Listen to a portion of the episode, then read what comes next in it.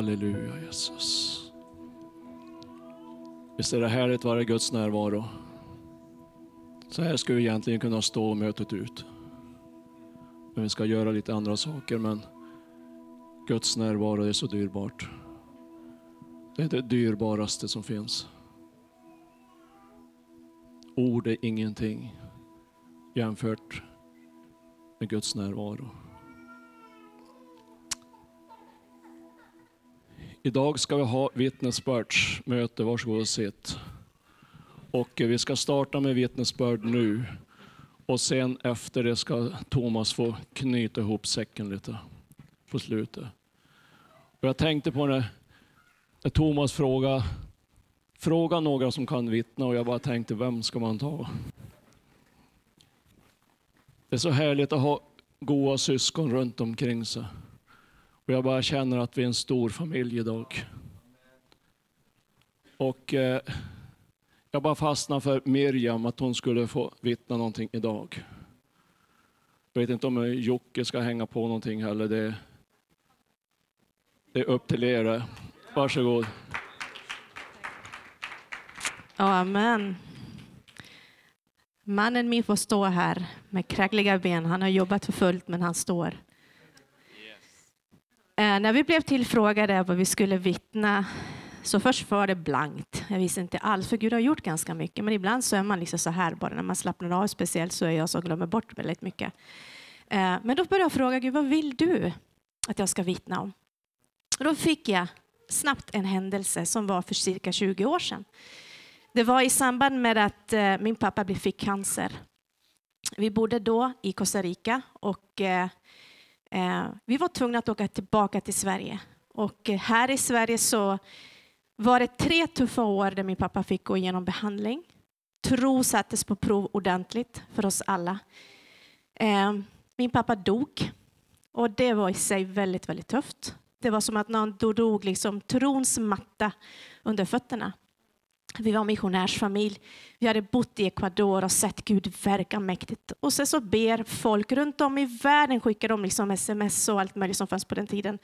Vi ber för din pappa, vi ber för din pappa. Men han blev inte frisk. Så det har varit ett litet slag i magen på riktigt. Eh, ett år efter min pappas död, min mamma och mina syskon åkte tillbaka till Costa Rica tre månader efter min pappas död och jag stannade i Sverige ensam. Och det var för att Gud hade brännmärkt mitt hjärta med Sverige. Så jag hade egentligen inget val. Jag var tvungen att stanna. Men det var den absolut tuffaste tiden i mitt liv. Och kände mig fullkomligt, totalt ensam. Djup, djup, djup, djup ensamhet. Eh, mamma och mina syskon kom och hälsade på något år efter min pappas död och de hade flyttat tillbaka till Costa Rica och kommit tillbaka till Sverige och hälsat på bara en månad. Så satt vi liksom och kramade om varandra och försökte liksom njuta av tiden tillsammans. Och sen åker de tillbaka till Costa Rica igen och jag stannar i Sverige. Och så åker jag tillbaka den natten vi skulle lämna dem i Arlanda. Kom tillbaka till lägenheten eh, i, i min etta där det varit fullt med folk. Och ni vet den där djupa ensamheten när man känner att det finns ingen. Det finns ingen. Man känner sig så totalt ensam. Djupt, djupt, djupt ensam. Så la jag mig i min säng och grät. Tårarna bara rann och jag snyftade med dig till liksom din sömns.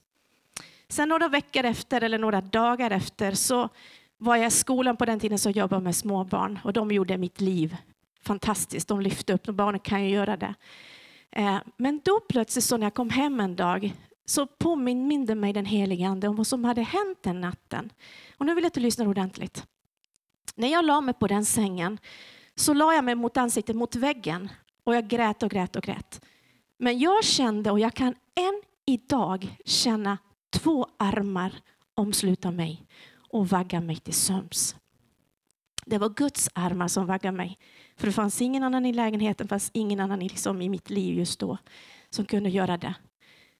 Och den, de här armarna har betytt så oerhört mycket i mitt liv. Och den där händelsen, den har liksom på något sätt burit med mig. För det är så att för att vi är kristna så är inte livet enkelt. Är det någon annan än jag som tycker att det är helt otroligt att det ska vara så egentligen? Det borde vara tvärtom. Men så är det.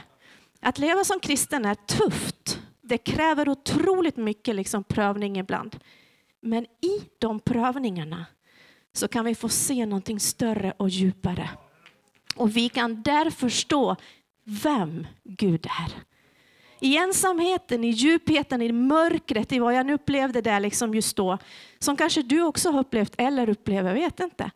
Men där vaggade mig min pappa till söms och tog hand om mig.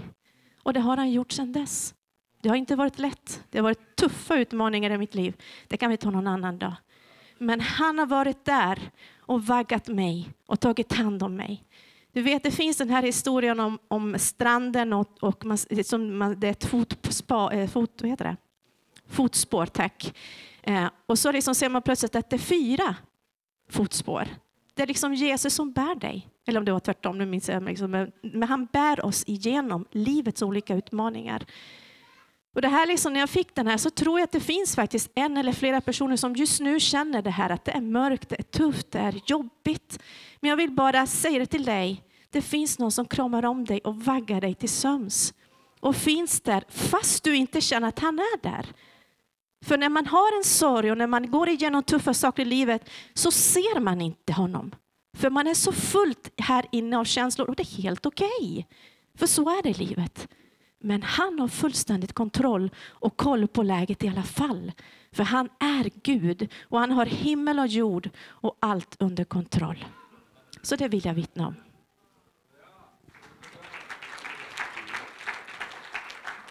Nu vart det ännu svårare att stå. Ja, men det, det är starkt och man blir rörd.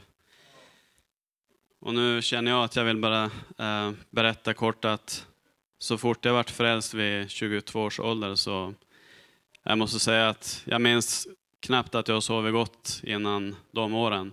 Och det första Gud sa åt mig det var att jag skulle få sova sött. Eh, och jag visste inte ens att det stod i Bibeln. Men det var uppenbarligen Gud. det var det. Eh, jag har lite mer eh, ja, vittnesbörd från jobbet. Sådana här uh, otrevligheter som kan hända på en toalett, att det blir tätt i toaletten. Och det är minst tre gånger som jag har fått bett, ja, försökt be, det är inte alltid så lätt, trons bön. Be bort det där, för jouren har inte kunnat kommit och fixa det där och ja, det blir katastrof. Så då har jag fått sett Guds kraft, att det är kraft i namnet Jesus. Att allt har bara dragit iväg, pluggen har gått. Första gången direkt, andra gången det hände, då funkar det inte som man brukar säga direkt. Man såg det inte med sina fysiska ögon. Så Gud sa, gå och be igen. Och det gjorde jag. Och då gick pluggen. Skiten drog om man säger så. Ja, och allt annat också. Och tredje gången då hade jag en kollega där. Vi hade över, överlämning, eller vad man säger. Ja, hur säger man? Ja, överläggning. Ja. Eh, och då hade jag sagt åt honom att jag hade bett en gång. Ja, det funkar ju inte. Och så var jag lite sur och grinig och var ärlig med honom. Och eh, sen sa Gud åt mig att be igen och då gjorde jag det och så berättade jag för kollegan och jaha, hörde han då? sa han då. Ja, det gjorde han. Då kom bönesvaret. Och det, han fattade ändå ingenting tydligen, för sen gick han in på toan själv, där jag var där. Och, men sa inte du att toan var helt stopp, helt tätt och vatten ända upp till ringen? Ja, men jag bad ju, sa jag. Eh, jaha, ja den funkar ju klockrent nu så. Då fick han på något sätt se vad Gud kan göra. Ja, amen. Vi ville ta med de här två olika vad ska man säga, liksom olika delar av livet, eller något säga, liksom när Gud tar hand om ens själ och tar hand om det fysiska på något vänster. För sån är Gud. Får vi bara avsluta med en liten bön? Är det okej? Okay? Där vi knop händerna liksom och bara tackar vår trofaste pappa och Gud. Himmelske Fader, tack Gud för att du tar hand om oss. Tack för att du tar hand om allt det som kan vara problem fysiskt på olika sätt och vis, men också vår själ och vår ande. Tack Gud för att du är med oss under alla omständigheter i våra liv. Tack för att vi får vara fullkomligt ärliga mot dig och säga när det, är, när det går bra och ta dig med i våra liv, men också kasta oss på dig när vi inte kan förmå bättre än att bara lita på dig. Och ibland inte ens det, utan bara se i efterhand att du har varit trofast, för att du är sån. Herre, jag bara ber för var och en just nu, Herre. Vi ber för var och en just nu, Herre, som inte har det bra. Vi bara omsluter dem här just nu med din trofasthet, med din godhet, Herre. För tack Gud, för att även om de kanske inte känner dig just nu, Herre, så är du där.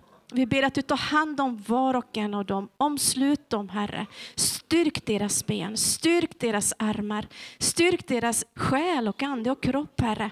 För att du har fullständigt kontroll. Du har också total omsorg om dina barn. Och Herre, vi vet inte varför vi måste gå igenom saker och ting ibland. Men Herre, du vet. Och du har lovat att du ska vara med oss alla dagar inte tidens slut. Och därför det är vi tacksamma. Tack också för vår underbara församling. Tack för allt som vi har gjort det här året. Och tack för att det bästa ligger framför. Tack för alla äventyr som väntar på oss nästa år, Gud. För alla utmaningar som kommer bara göra oss ännu starkare och visare. Tack för att vi får vara en stor familj som tar hand om varandra på riktigt, Herre. Älskar varandra på riktigt, Herre. Tack för att det känns och folk som kommer utifrån känner det, Herre. Jag bara ber om dina rikliga välsignelser över vår församling och vår bygd.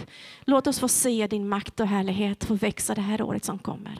I Jesu namn så lägger vi allt i dina händer och tackar dig för allt. Amen.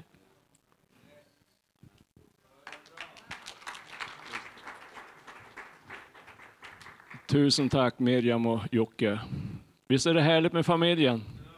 Det finns alla vinklar från olika håll och kanter. Men Gud är densamme. Vi har en dyrbar broder, Nicolin. Välkommen fram.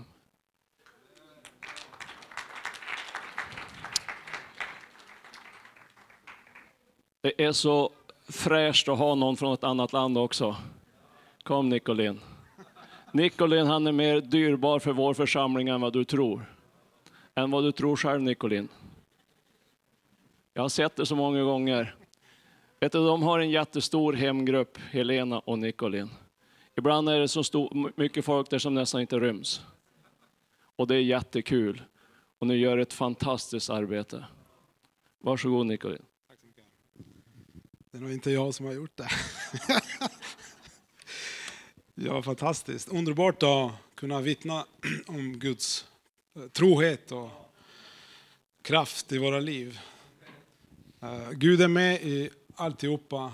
Eh, det vi är med om, så är Gud med om. Han är med oss i det, i det vi går igenom. Eh, jag ska bara berätta lite om någonting som jag fick vara med i november här. Eh, och jag och min dotter Gabriella, som sitter där bak. Hon behöver inte komma fram. Vi var på en resa. Vi åkte till Albanien och skulle hälsa på min mamma och släktingar. Och det var en fantastisk resa på en vecka. Och det var lite skönt så här på november är lite jobbig månad. Så att vi tog eh, en resa dit och Gabriella var med. Hon ville vara med. Det var lite, lite roligt för det också. För ja, du vet, Albanien är ett annat land.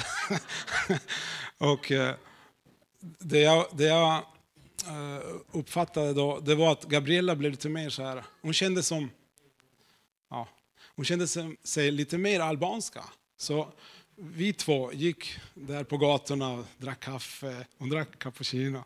Och så, och så hade hon med, köpt såna här, fick för sig att hon ska äta såna här frön, du vet. Såna här som man spottar ut.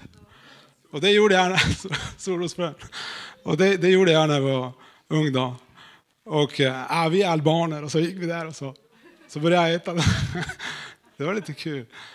Och så träffade vi mycket folk, det var jättetrevligt allting. Och min mamma blev jätteglad. Och så började Gabriella prata albanska ännu mer. Och vågade liksom så här. För, för jag visste att hon kunde prata, men hon vågade mer och prata med våra släktingar. Och, wow, hon kan ju!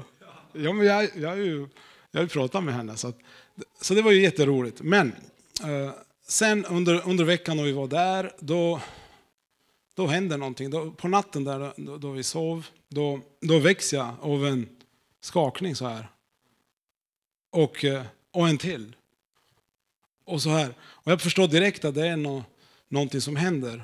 Hela huset skakar. Och eh, jag springer ut i hallen och förstår att det här måste vara en, någon jordbävning. Och jag hade hört hel, från sommaren och hit hade varit jordbävning på jordbävning i Albanien. Det var inte bara den här som ni hörde på nyheterna. Men det här var ju den dagen. Och jag sprang ut i hallen och ut eh, i toan och öppnade fönstret och kollade ut.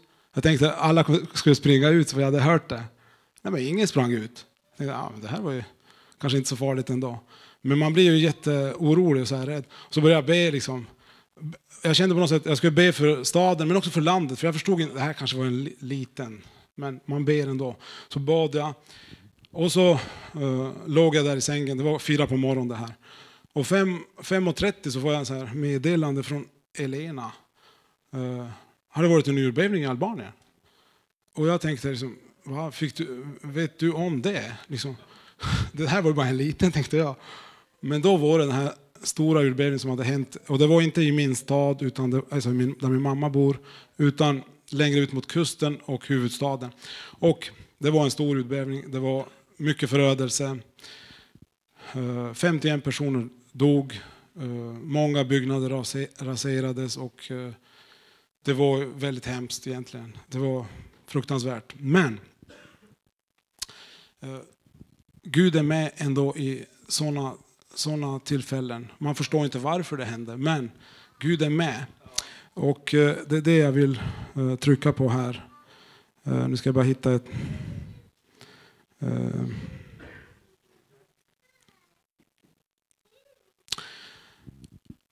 nu ska du lägga upp det där Alexander.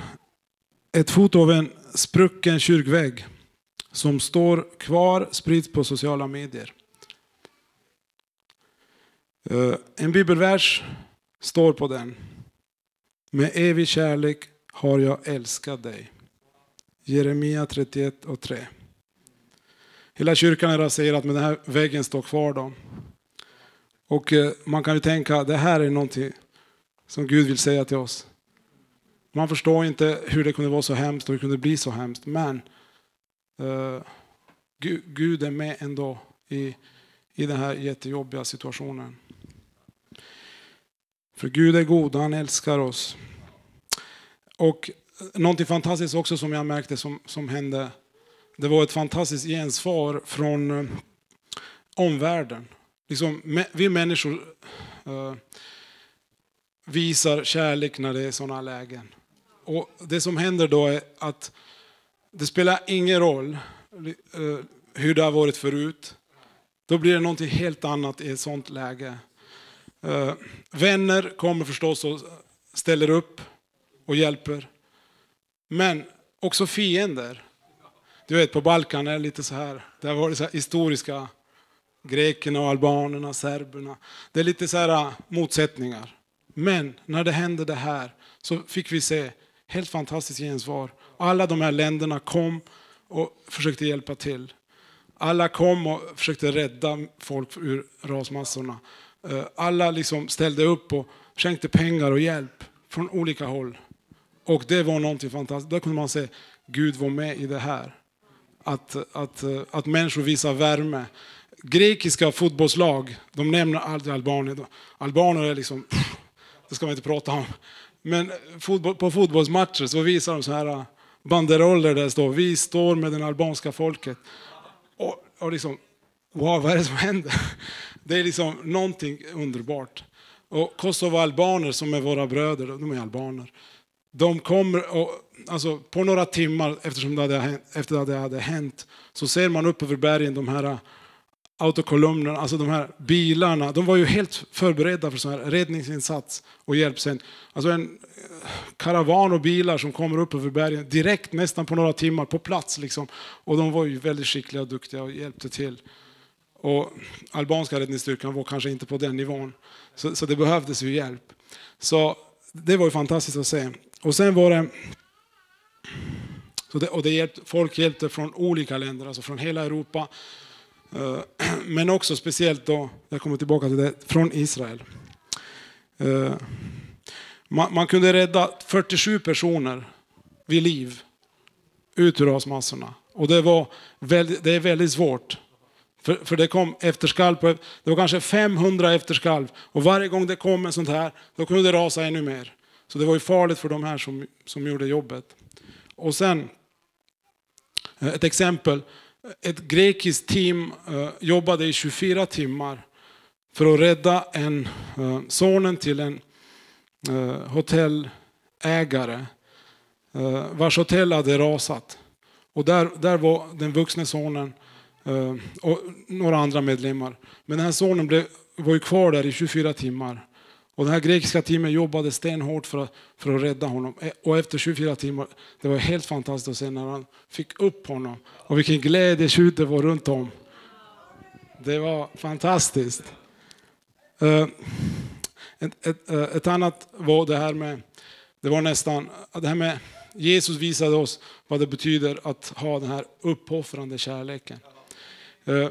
Ett sådant exempel kom fram här också. En, en farmor som hade skyddat sitt barnbarn när huset hade rasat. Och så drar de upp eh, båda två. Men tyvärr så dog farmor. Men barnbarnet räddades eh, vid liv eftersom hon hade skyddat honom med, sitt kropp, med sin kropp. Och det var ju någonting fantastiskt också. Så, så det, det är både liksom stor sorg men också stor glädje i det här. Ja, jag ska avsluta. Det här med Israel kommer vi tillbaka till. Det var också någonting underbart. För eh, det kom ett helt plan med specialister från Israel för att rädda. Och de kom också ganska på en gång. Och varför är det speciellt då? Ja, eh, de hjälpte till på ett fantastiskt sätt och stannade kvar också efteråt och visade albanska tekniker hur de skulle eh, bygga sina hus. Hur de skulle förstärka hus som hade blivit skadade så, de inte behöver, så att så det inte behövde hända igen när de rasade. Så de, och, de, och de bygger nu på det sättet i Albanien eftersom de här israeliterna visade hur man skulle bygga. Men någonting som var fantastiskt var det här att de var så glada att hjälpa till. De, de gjorde det här av tacksamhet. Och varför? Ja, under andra världskriget så hjälpte albaner judar att, att leva vidare. Att, att ingen jude som bodde i Albanien eller som flydde till Albanien under andra världskriget lämnades över till tyskarna. Så alla judar överlevde förintelsen i Albanien. Och för det är judarna tacksamma än idag. Det nämner de och det säger de hela tiden att alltså, att vi står vid Albanien alltid. Och nu var det ett läge då de skulle kunna visa sin, sin kärlek och sin eh, ja, tacksamhet. Så de var ju, och det visar de, alltså de, de eh, satte ut det på Facebook. Glada att hjälpa albanska folket. Liksom. Så det, det tackar jag Gud för. Det är också någonting fantastiskt. Amen. Jag ska avsluta med det här. Eh, Värden som, de, som dessa, bön, tro, hopp, uppoffrande kärlek, giv, givmildhet, vänskap, hjälpsamhet och tacksamhet pekar på att Gud älskar oss människor. Håller allting i sin hand och vänder allt till vårt bästa. Låt oss älska Gud tillbaka. Amen. Ett bibelvers till slut då. Eh, jag hoppar över det där. Eh, Romarbrevet 8.28 säger, vi vet att för dem som älskar Gud samverkar allt till det bästa. För dem som är kallade efter hans beslut. Så vi får tänka att eh, Gud är med oss alltid. Han hjälper oss, han stödjer oss, han styrker oss, han beskyddar oss. Och han vänder allting till det bästa. Även om vi inte förstår allting så kan Gud vända allting till det bästa. Så att det blir till tacksamhet och välsignelse. Amen. Gud välsigne dig. Tack.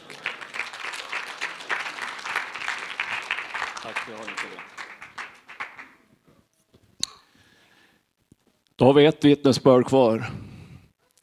Och eh, i Guds rike brukar man säga så här, det finns generaler.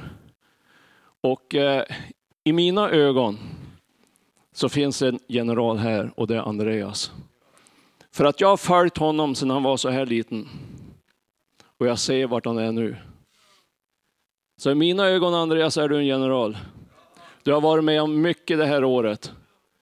Och eh, vi är spänd på vad du har att säga. Jag vet inte om Helena ska, eller, eller Som vanligt. Tack Hasse. Ja, det är ju kul att du säger så, du har sett mig hela vägen. Tack Hasse. Eh, jo, men det är ju så. Det här har ju varit ett spännande år eh, på alla möjliga plan och sätt. Eh, ett bibelord först bara. Jag vet vilka tankar jag har för er, säger Herren. Nämligen fridens tankar. Och inte ofärdens. För att jag, för att jag vill ge er en framtid och ett hopp. Och jag tror lite grann, det är ju samma ton i alla säger här va. Och jag tror det att vi, ibland vi är så duktiga på att diskvalificera oss själva och se på andra människor och tänka att ja, men de har extra allt eller de har en specialgåva eller den och den har en kallelse från Gud eller en enorm smörjelse i sitt liv eller ja men ni vet, man kan hitta på alla möjliga grejer och titta på det här stora och tänka att ja men då så här va. Men vet du, jag tror Gud i den här tiden så behöver han snickare, han behöver rörmokare, han behöver läkare, doktorer, han behöver frisörer, han behöver människor. För det är så att människorna där ute, de, det är ingen på den här jorden som vill känna sig som ett objekt eller liksom någon form av, av projekt. Det är inget som vill känna sig, åh jag är ett projekt här för den liksom, kristna liksom, evangelisationskampanjen. Det är jag är projektet, jag är inte kristen. Det är ju ingen. Utan människor, de vill ju ha, de, de vill ha någon att prata med. De vill ha någon att dividera med. De vill ha en vän. De vill ha någon som tröstar dem. De vill känna kärlek, värme, genuinitet. De vill ha liksom den äkta varan. Va? Så att eh, det jag talar om nu, det är, det är jätteviktigt. Men det är inte liksom... Någonstans när man är mitt i det, så känns det inte som att Åh, det här kommer, det kommer att göra skillnad för vår nation, det tror jag absolut. Men jag tror den stora skillnaden, det är när Guds kropp, när, när du och jag vi börjar trava ut liksom bara. inte, inte som några superspecialist, evangelist, specialare som vet och kan allt. Utan bara människor som har fått sina liv förvandlade av Jesus. Och vi har ingen aning om hur vi ska uttrycka den kärleken till dem runt omkring oss. Men det är bara huvudsaken att du står på den plats som Gud har ställt dig. Och där kan du må bra och där kan du liksom känna en sån frihet och en sån glädje.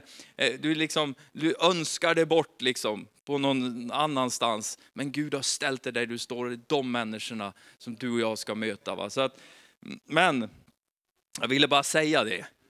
Alltså, jag är så glad och tacksam över att vi får vara med i det Herren gör i Sverige idag.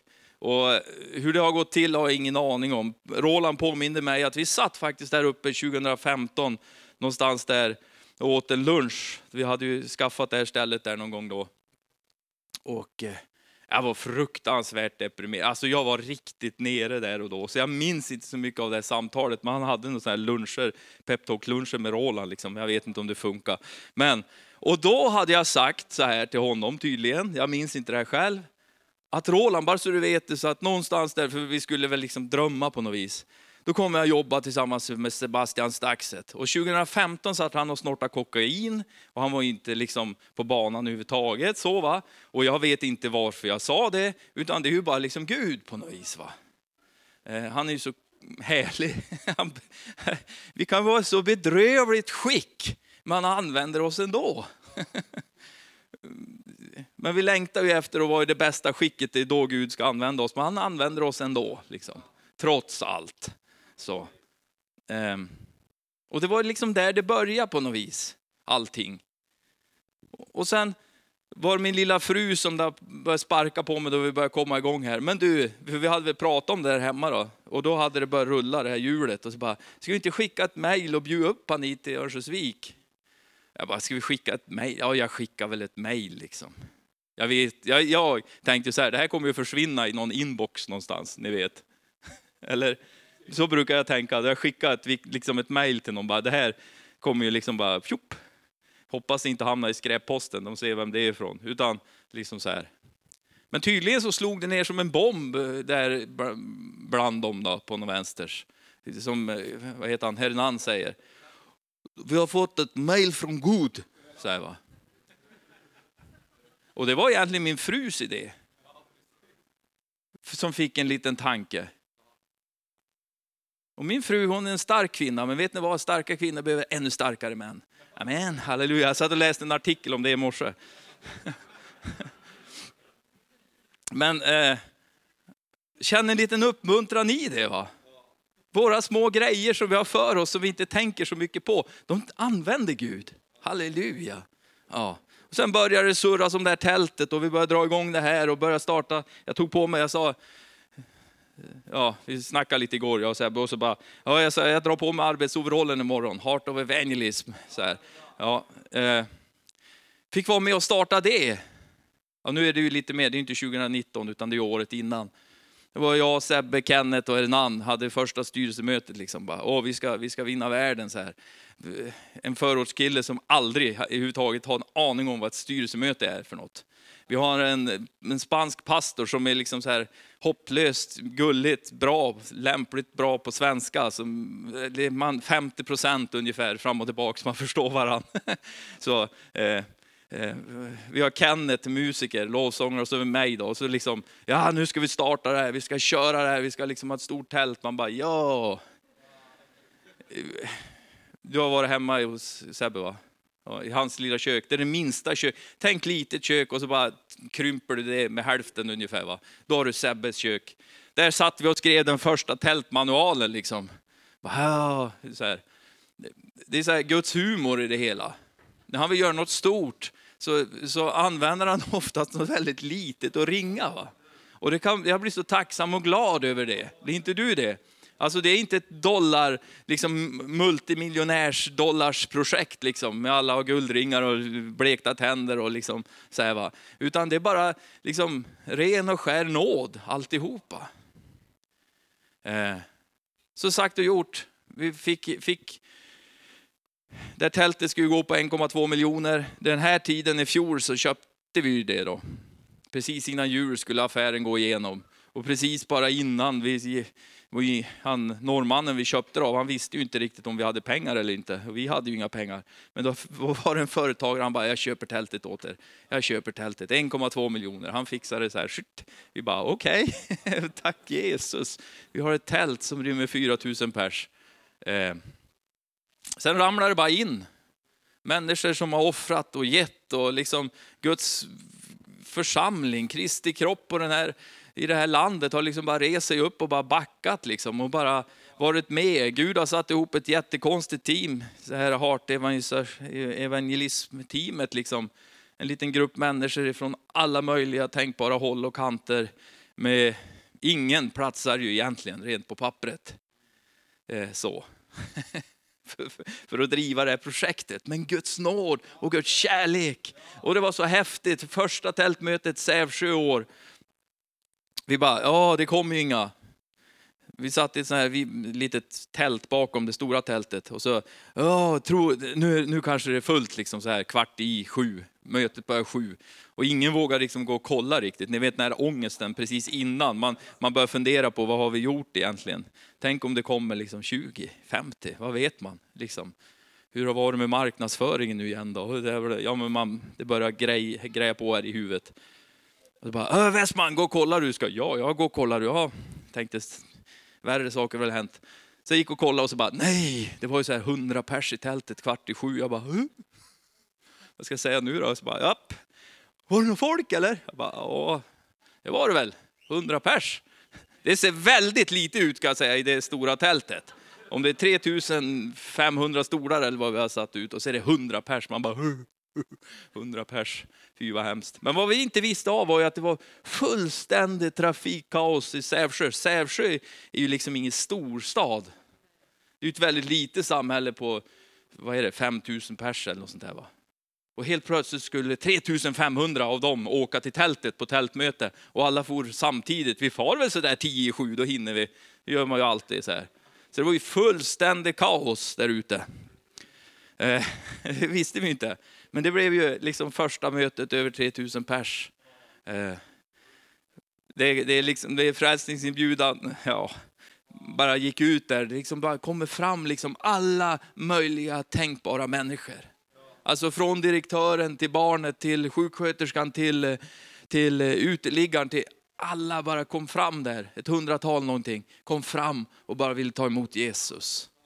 Eh, och vi fick se det där så många gånger i somras, och man blir aldrig mätt.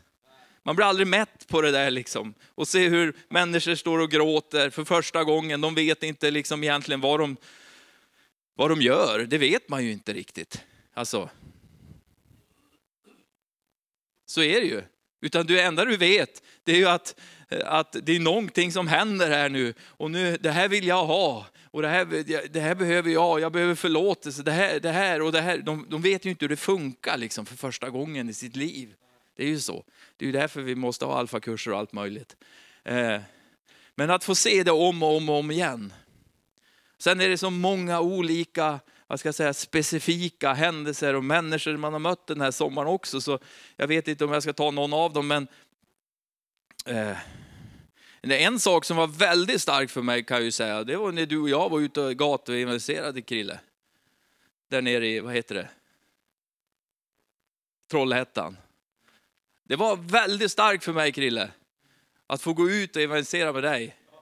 Att få ta någon som man har fått vara med i varje fall på något litet hörn och vinna för Jesus. Och bara få följa med ut och bara liksom se revanschen i hans ögon och se när han talar till människor om Jesus och se hur, hur, hur Guds kärlek slår in i de här människornas liv. Oh, det, det, det är en väldigt stark upplevelse. Ehm, så det var en av höjdpunkterna i sommar. Det är så många höjdpunkter. Sen, liksom det kom allt. Jag vet, jag bad för en prästfru i en del av landet här och jag så. Och hon hade ju, alltså hon hade demoniska problem. Hon bara blev satt fri i Jesu namn. Hon bara, wow, vad hände? Vad tror du det där var? Var det där något demoniskt? Ja, det tror jag. Och det var väldigt fint och lugnt och stilla på alla sätt och väldigt högkyrkligt. Men hon blev fri i Jesu namn. Och, och så det var liksom allt man kan tänka sig.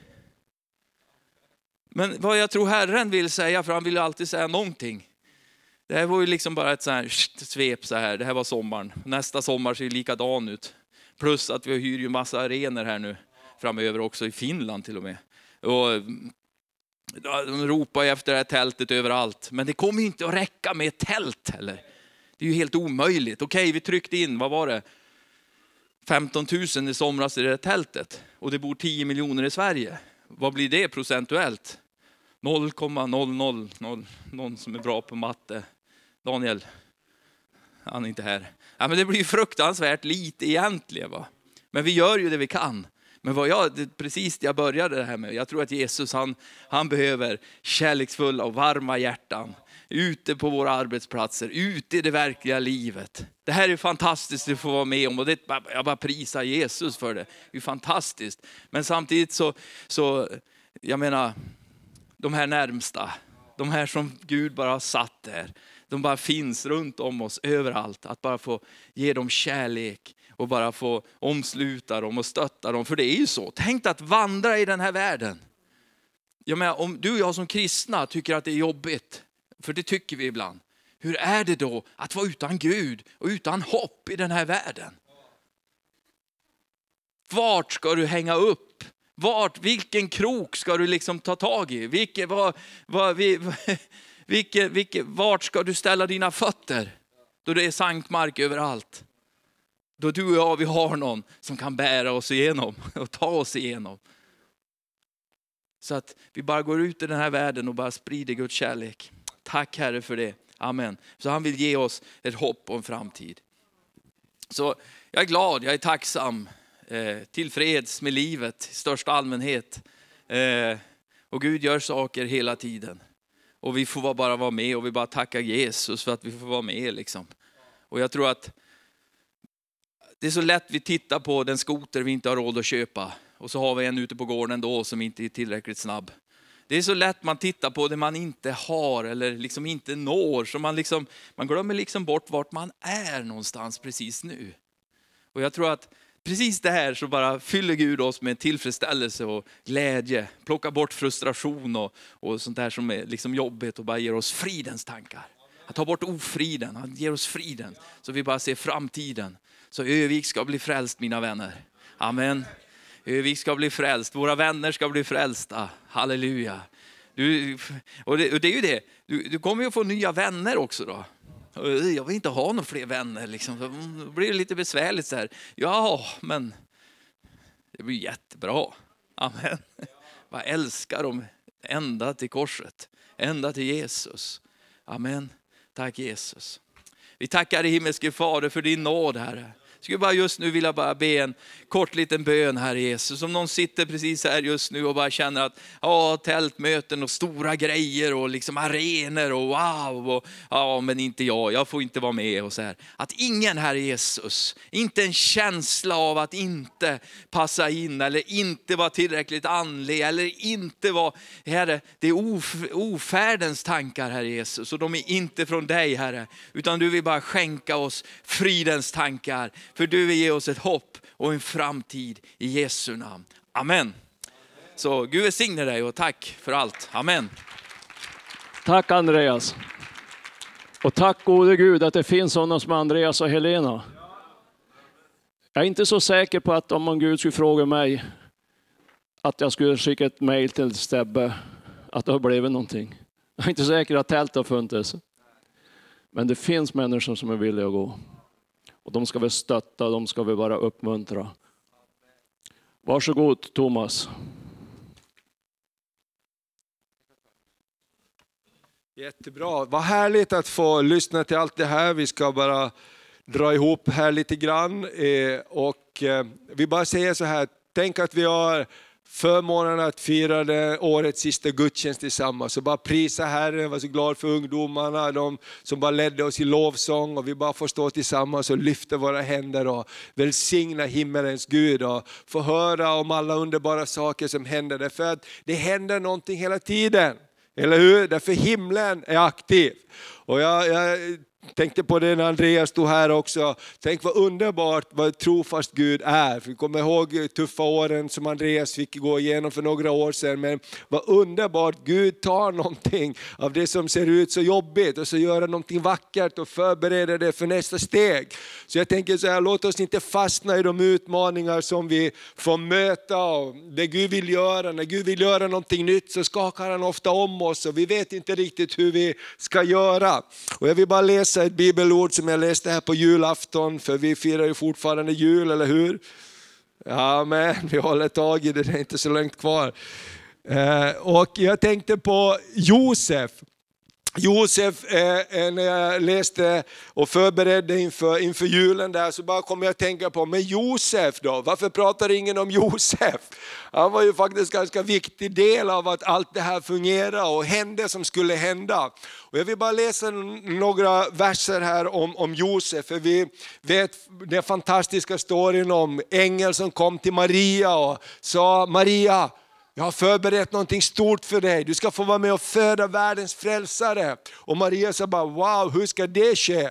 Men, men den här unga människan Maria, hon sa bara, ske mig som du har sagt. Och jag tänker så här, ibland förstår vi inte, vi vet inte hur det ska ske, det Gud vill göra. Men låt oss vara som de här unga människorna, som Maria och Josef som säger, okej, okay, vi väljer att tro i alla fall, vi vet inte hur det ska gå till, men Gud du har en plan. Och jag tänker på, på de gamla i templet också. Hanna och Simon, de var också så förberedda på det Gud skulle göra. Så julen är en berättelse verkligen om generationerna som är förberedda. Och vi läser i Matteus, det första kapitlet, några verser. Och så står det så här, från vers 18. När Jesus Kristus föddes så gick det till så här. Hans mor Maria var trolovad med Josef, men redan innan de gift sig blev hon med barn genom den helige anden. Josef, hennes blivande man, var rättfärdig och ville inte skämma ut Maria offentligt, utan tänkte skilja sig från henne i hemlighet. Medan han fortfarande grubblade över detta visade sig en Herrens ängel för honom i en dröm. Och ängeln sa, Josef, du är ättling till David, tveka inte att gifta dig med Maria, för barnet hon bär har blivit till genom den helige Ande.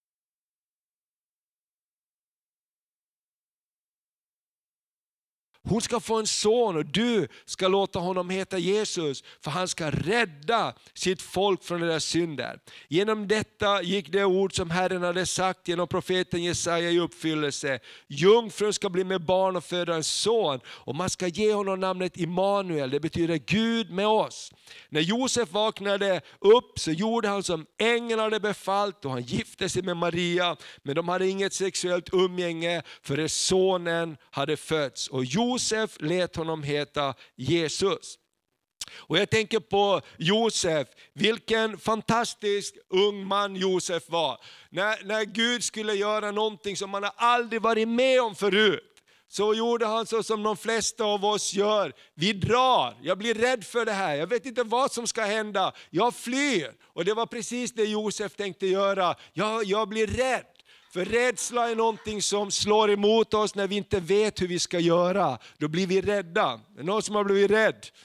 Vi kan bli rädda jättemånga gånger. Och precis som Andreas berättar när man ska ha första möte och skickar ut någon och kollar, vem är det? Man är rädd, det kanske inte blir någonting. Det kanske inte fungerar det där vi har planerat. Men vet du vad, Gud han har någonting på gång.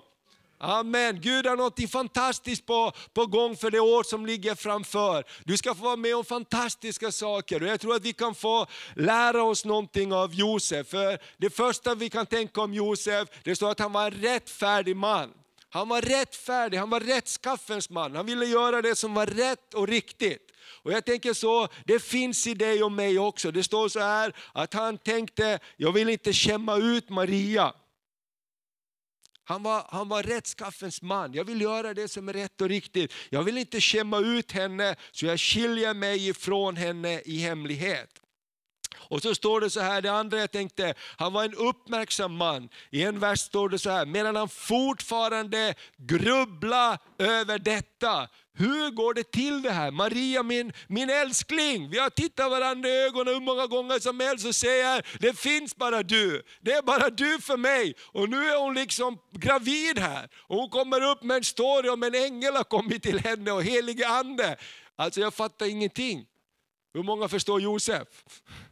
Alltså, och han säger bara, jag vill bara ut härifrån, jag vill inte ha någonting med det här att göra. Och så står det medan han fortfarande grubblar. Vet du, det finns någonting i dig och mig, när Gud vill göra någonting, när Gud kallar oss till någonting vidare, så börjar det röra sig på insidan. Han kunde ändå inte släppa taget. Och jag tänker så här, låt oss vara så, Gud vad vill du? Visa mig, vad är vägen? Gud, vad, vad, jag vill inte släppa det här, jag tror att du har någonting. Och det står att Josef, han han fortfarande grubbla. Han var en uppmärksam man. Han stannade upp och tänkte, reflekterade. Han ville förstå även om han ville fly. Jag tror att Gud han har något fantastiskt för oss och för dig personligen i det år som kommer. Och kanske du får tillfälle att först bli rädd och vilja fly. Och sen kan du göra som Josef, stanna upp och tänka efter. Gud, vad vill du säga till mig i allt det här? Och sen den tredje saken, han var en handlingens man. Han gjorde så som ängeln, så som Gud hade sagt till honom att göra. Var inte rädd Josef, ta till dig Maria och gift dig med henne, för jag har planerat det här. Och, och när han gjorde det så, så fick han vara med och beskydda Maria. Jag tänkte på det, vilken kille han var. Han, han blev adoptiv pappa till världens frälsare. Gud ville inte att Josef skulle växa upp utan en pappa på jorden. Utan han ville att det skulle finnas någon som fanns där. Och när, när ängeln kom och sa till dem och de här vise männen kom och sen kom ju storyn med att det här blir inget bra, Herodes han vill döda er, ni måste fly. Vad gjorde Josef? Josef han reste sig upp, han tog Jesus, barnet och Maria och flydde till ett annat land. Det var ju inte ens hans barn. Man hade tagit det till sig. Och jag tänker så här, Gud kanske vill lägga saker på ditt och mitt liv för det här året. Som vi inte tror att vi är beredda för. Men Gud kan röra våra hjärtan. Amen. Vet du att det ryms mera i våra hjärtan än vad vi tror att det är möjligt. Även det du är rädd för just nu kanske, även det jag blir rädd för, så säger Gud, jag har planerat ett utrymme i ditt hjärta. Det ryms någonting mer i våra hjärtan. Amen. Och sen så var han en, en trofast man. Det står att han var trofast, trogen mot Maria. Och jag tänker så här, trofasthet, att vara trogen, det är någonting väldigt vackert. Amen. Det är någonting som förvandlar den här världen, när vi står upp och vi är, vi är trogna mot det vi har överlåtit oss till. Amen. Då kommer Gud att göra någonting fantastiskt. Och jag tänker så här, tänk vad Josef fick vara med. På grund av vad Josef sa ja, så fick Maria göra det hon skulle göra. Jesus kunde göra det han skulle göra. Och, och frälsningshistorien fick någonting. Så jag vill bara säga tack till Josef för att du gjorde det du skulle göra. Och jag tänker så här, många gånger så är det så också i en församling och i Guds verk. Ibland är det saker som vi inte ser, vissa ser vi och hör mera, andra hör vi inte och ser så mycket om. Men alla är otroligt värdefulla, eller hur? Vi pratar inte ofta om Josef, vi pratar om Maria, vi pratar om Elisabet, vi pratar om Johannes, vi pratar om alla möjliga. Men jag tror Josef, han är en doldis som gjorde att det som skulle hända kunde hända. Vet du vad, du kan vara en doldis som gör att det som ska hända kan hända.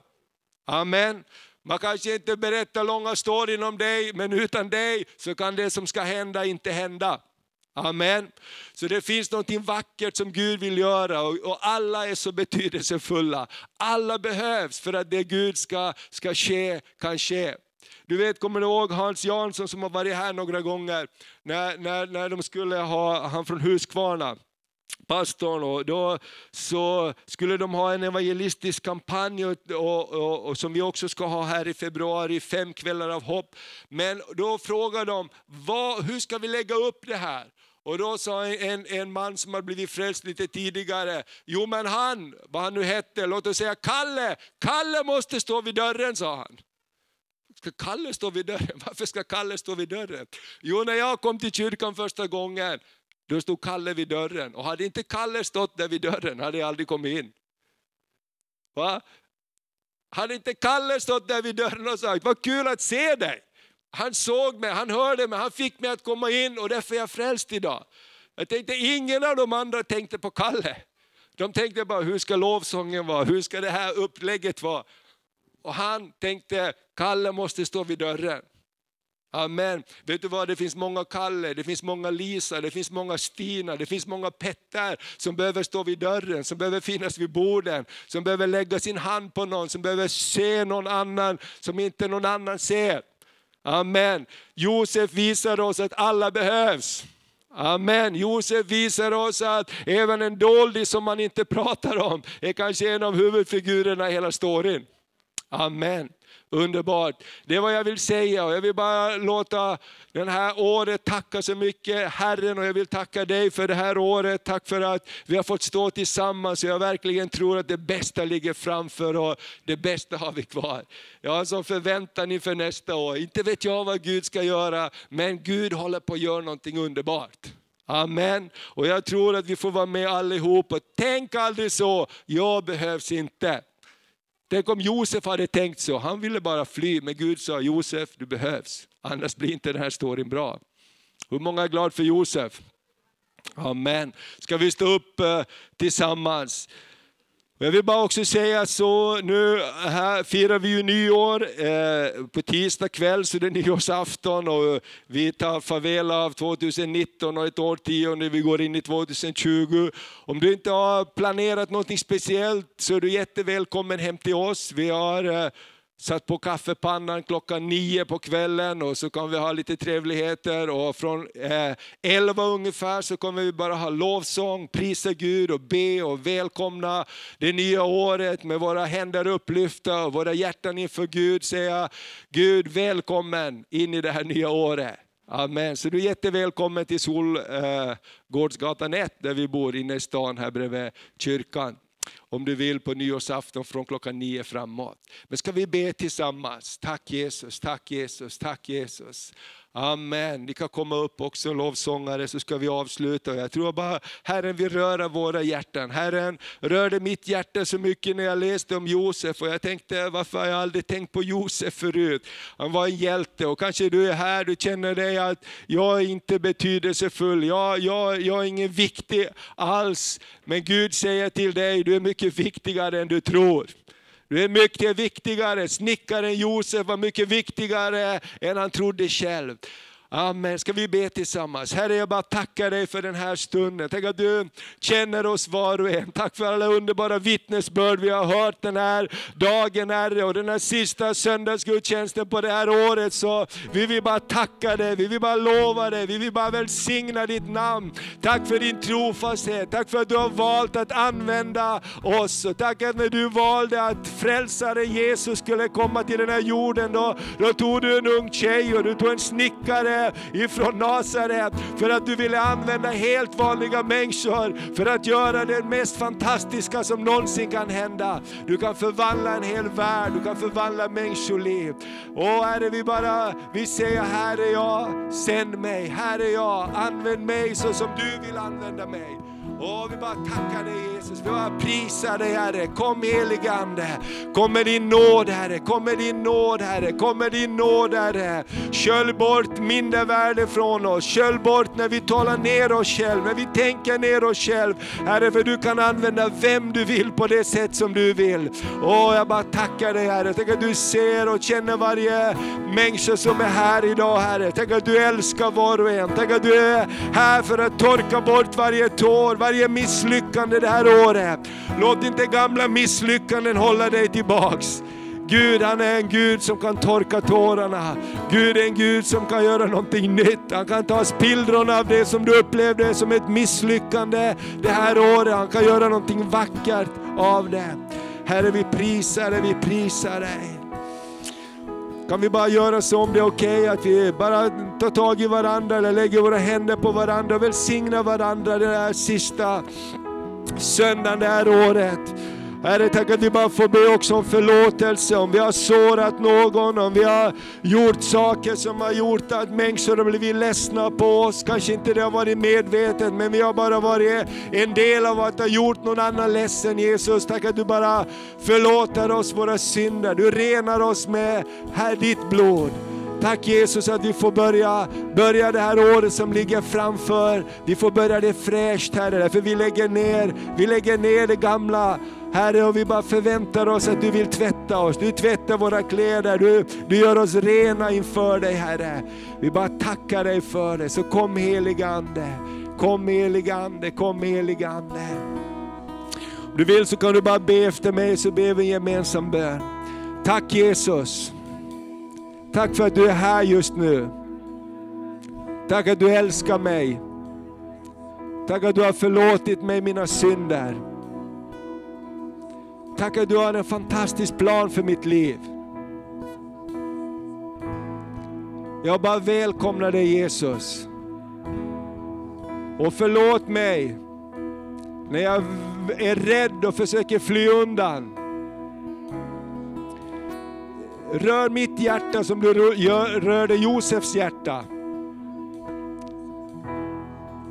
Ge mig mod som du gav Josef mod. Tack Jesus för att jag får vara en välsignelse för andra. I Jesu namn. Amen, amen. Ska vi bara prisa Herren med en sång och lova honom och tacka honom.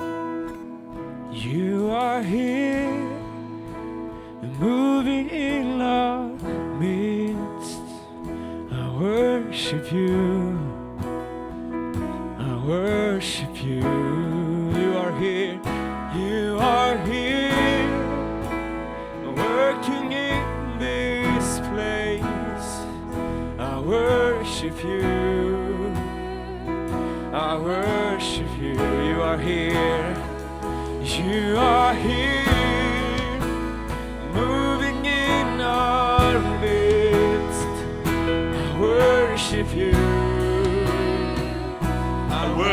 worship